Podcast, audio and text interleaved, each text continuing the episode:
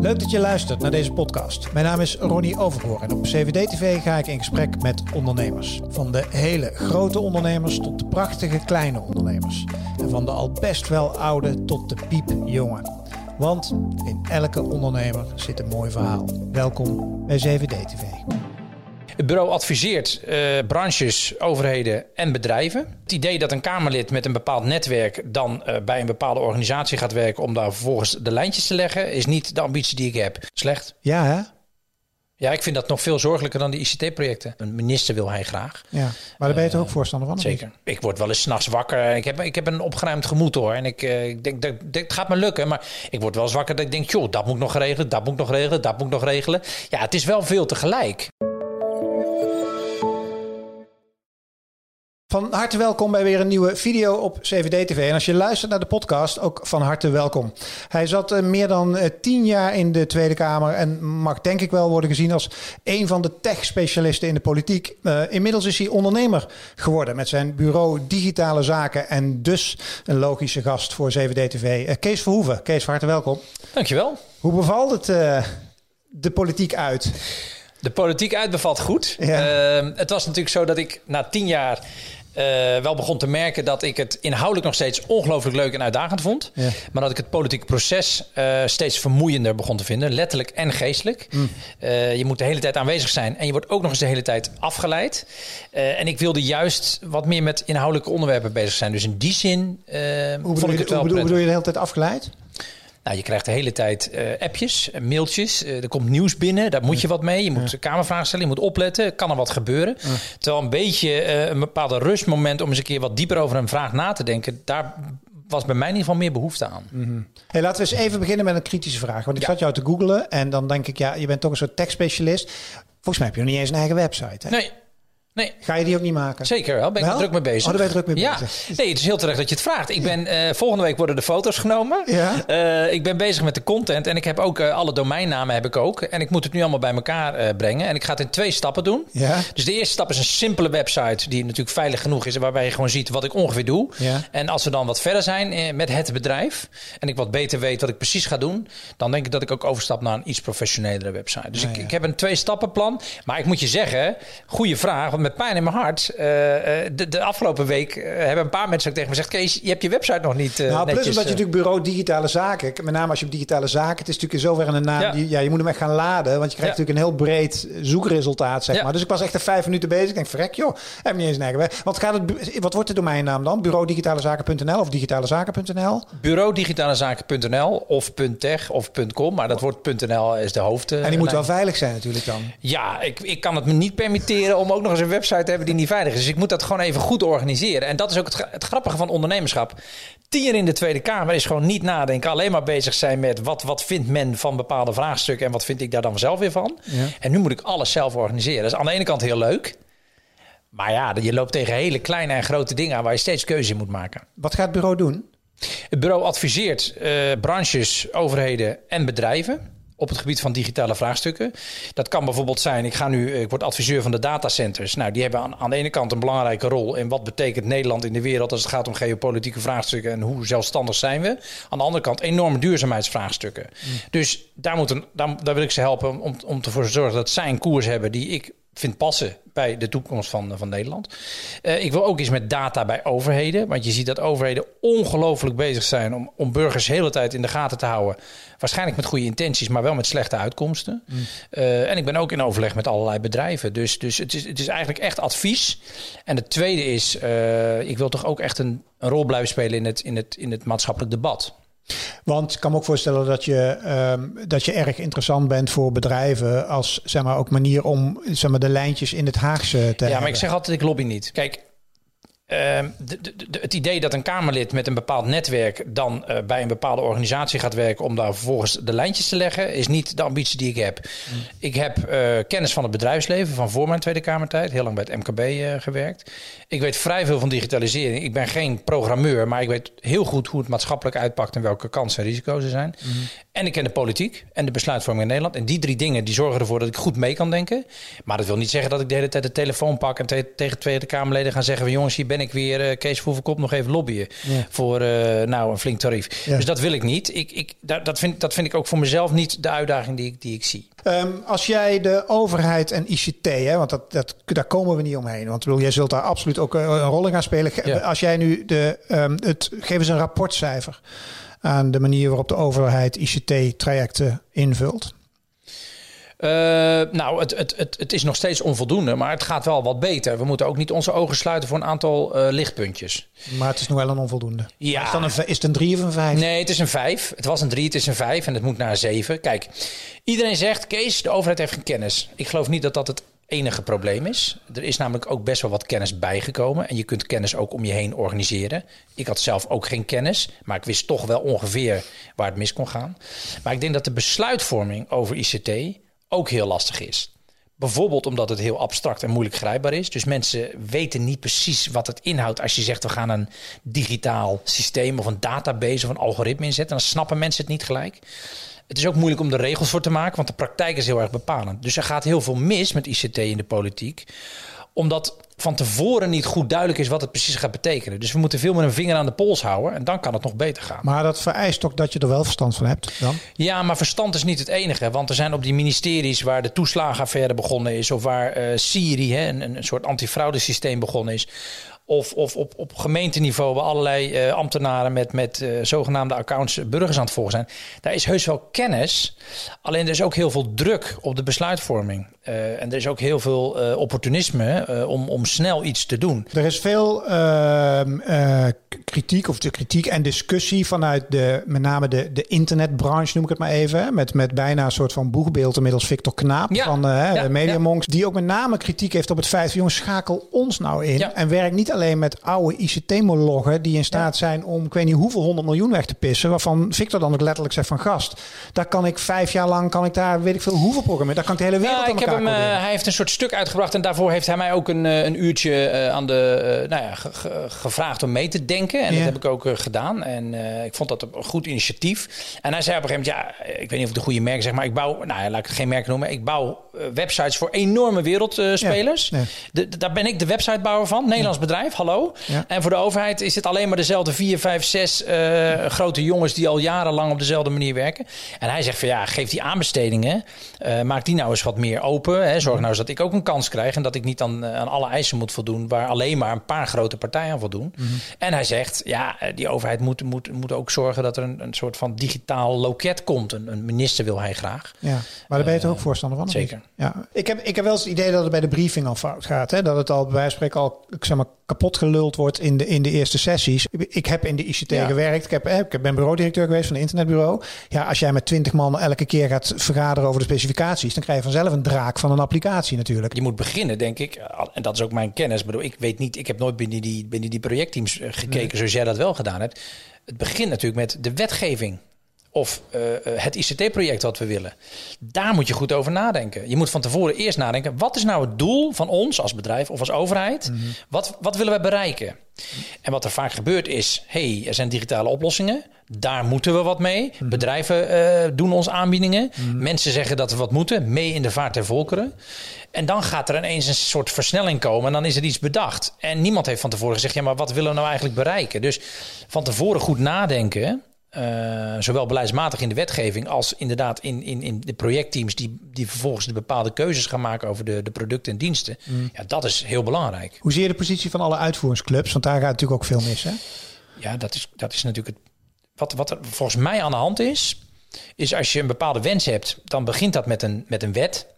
En die wet wordt vrij algemeen geformuleerd. Heel algemeen. Je moet maar eens een wetstekst lezen over een bepaald digitaal vraagstuk. Dan staat, staat er altijd iets heel algemeens. Vervolgens komt er een uitvoeringsclub die het moet gaan uitvoeren. Die zijn op afstand gezet. Ministers kijken daar niet meer mee. Want nee. die zijn bezig met de camera en kijken ons eens even stevig nieuwe wetgeving maken. Bestaande wetgeving wordt op afstand uitgevoerd. Dat gaat mis, want er is enorm veel ruimte in die wetten. Er is weinig controle op de uitvoering geweest de afgelopen tijd. Dus die bureaus of die, die, die, die instanties of die, die, die uitvoeringsorganisaties, die gaan gewoon aan de gang. En dan gebeurt er iets waar we achteraf van zeggen, ja, maar dat had nooit mogen gebeuren. Dus daar zitten we nu in de problemen. We moeten dus veel meer in de wetgeving gaan afbakenen wat er aan de hand is. En we moeten veel meer de vinger aan de pols houden bij de uitvoering. Uh, het tweede stokpaardje, los van ICT in het algemeen, is natuurlijk wat je zei, het stipt in het begin al even aan, is data. Ja, We zijn natuurlijk helemaal verzot op data. ja. Alle big ook. Big. Big data Zeker. ook. Ja, alles. ja alles is tegenwoordig big data. en snel. Ja, en, en dan stoppen we dat allemaal in databases. ja, Eh, ehm, hoe gaat de overheid daarmee om? slecht. Ja, hè? Ja, ik vind dat nog veel zorgelijker dan die ICT-projecten. Hmm. Kijk, die ICT-projecten kosten geld, belastinggeld. Heel vervelend, dat kun je goede dingen mee doen. Maar dat was vijf jaar geleden. Was dat een, vijf jaar geleden een rapport van, van een commissie van de Kamer. Die zei, nou, het kost 1 tot 5 miljard per jaar te veel. Doodzonde, want het is belastinggeld. 1 tot 5? Miljard Hmm. per jaar. Ze konden geen betere schatting maken dan die enorme bandbreedte. Dat vertellen ze eerlijk gezegd ook eh, wel, wel op een leuke manier bij. Zo van, we weten het dus niet. Oftewel, de verantwoording is ook nog eens heel slecht. Dat was vijf jaar geleden het probleem. Nu is het probleem niet zozeer het geld, maar vooral gewoon dat er burgerrechten geschonden worden. En dat er dus mensen onterecht verdacht gemaakt worden. Dat er mensen bespioneerd worden. Ja, dat, dat kan niet dat de overheid dat doet. Zonder wettelijke basis ook nog eens. Dus dat de inlichtingendiensten doen. Nou, daar heb ik tandenknarsend ook wel eens wat van gevonden. En dat moet in Nederland ook kunnen, mits met, met balans. Maar dat er ook gemeentes of, of defensie of politieorganisaties of de NCTV... dat die zonder wettelijke bevoegdheden de hele tijd burgers aan het volgen zijn... Dat is echt een verkeerde Dat doen ontwikkeling. ze doelbewust. Dat doen ze of- doelbewust. Of weten ze de regels niet? Nou, dat is altijd een meng- mengelvorm. Aan de ene kant weten ze niet precies wat er in de AVG staat. Maar aan de andere kant weten ze ook best dat ze geen wettelijke bevoegdheid hebben om, eh, om online, accounts of, of, of nepaccounts aan te maken om burgers in de gaten te houden. Verheug je je er ook op om met bedrijven te gaan samenwerken? Heel erg. Ja, zeker. Kijk, eh, voor mij is het, ik ben nooit eerder ondernemer geweest. En het was ook een beetje de keus van ga ik Wat deed je voor die tien jaar politiek dan? Ik, heb, eh, ik, ik ben altijd eh, bij brancheverenigingen heb ik gewerkt, in MKB-organisaties. Dus ik, heb eerst, ik ben begonnen als jongste bediende bij de Kamer van Koophandel in Amsterdam. Nou, dat was een leuke eerste baan, maar wel, dat mocht nog niet zoveel. Ik was daar vrij beperkt. Toen ben ik naar MKB Nederland gegaan. Heb ik vier jaar eh, me ingezet voor de detailhandel eh, eh, in Nederland.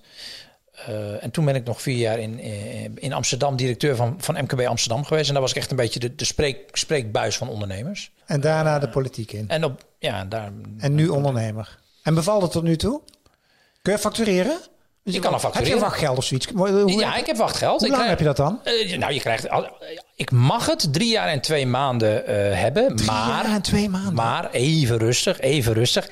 Dat is, in, dat is in het geval dat je als Kamerlid geen enkele manier eh, hebt om geld te verdienen.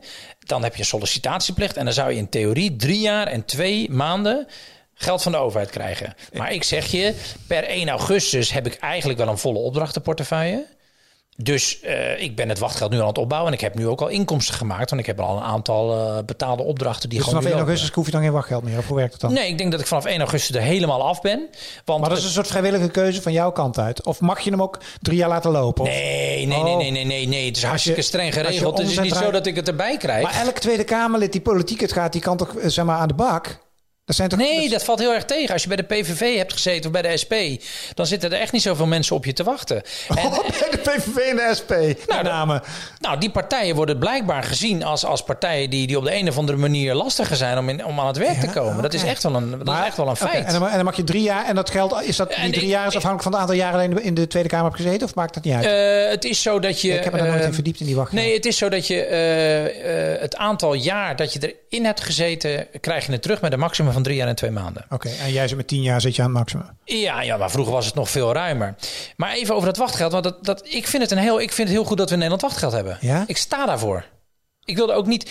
Je hebt, ik heb in de Tweede Kamer Als jij zelf kiest om te gaan. Ik heb tien jaar in de Kamer Ja, gezeten. dat boeit mij niet. Als je ik als je stap eruit. Ja, ik stap eruit. Ja, En ik kan bij wijze van spreken, eh, na die tien jaar, heb ik allerlei organisaties vanuit mijn onafhankelijke Kamerrol, heb ik allerlei organisaties, ben ik kritisch over geweest. Heb ik, heb ik van gezegd, dit kan niet.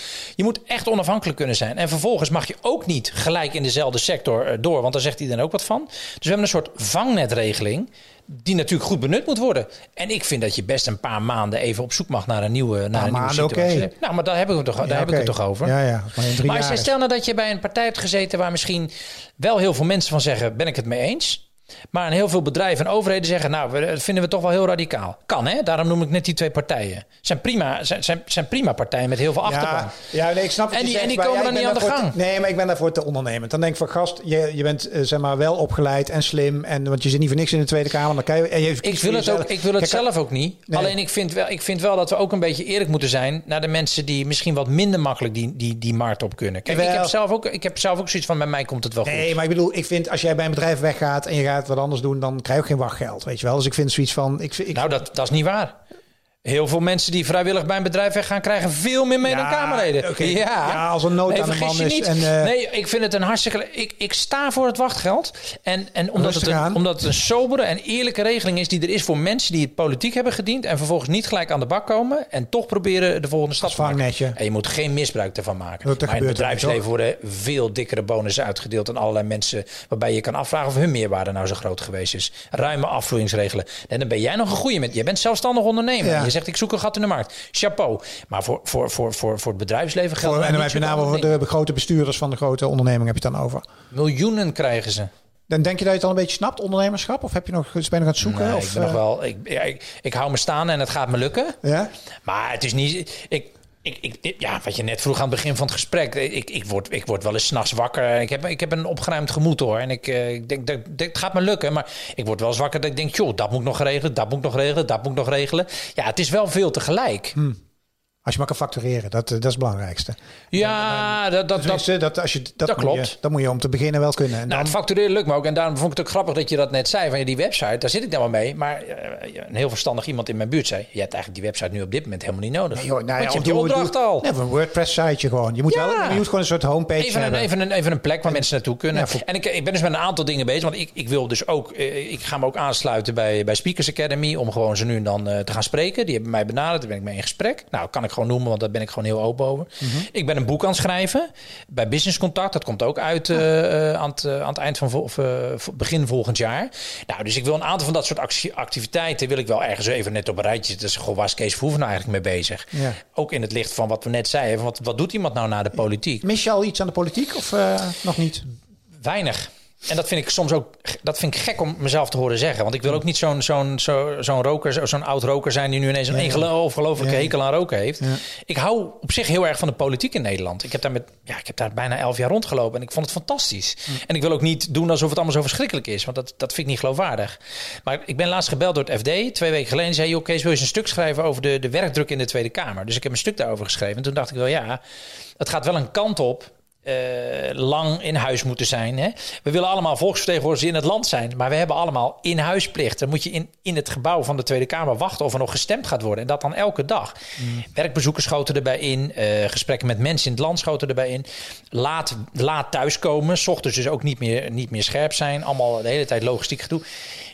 Dat werd wel vervelend. Ik ben toch wel iemand die fijn vindt om zijn eigen tijd in te kunnen delen. Dus dat mis ik niet. De collega's waren we voor een heel groot deel natuurlijk al door corona toch al veel minder eh, eh, intensief was die samenwerking er.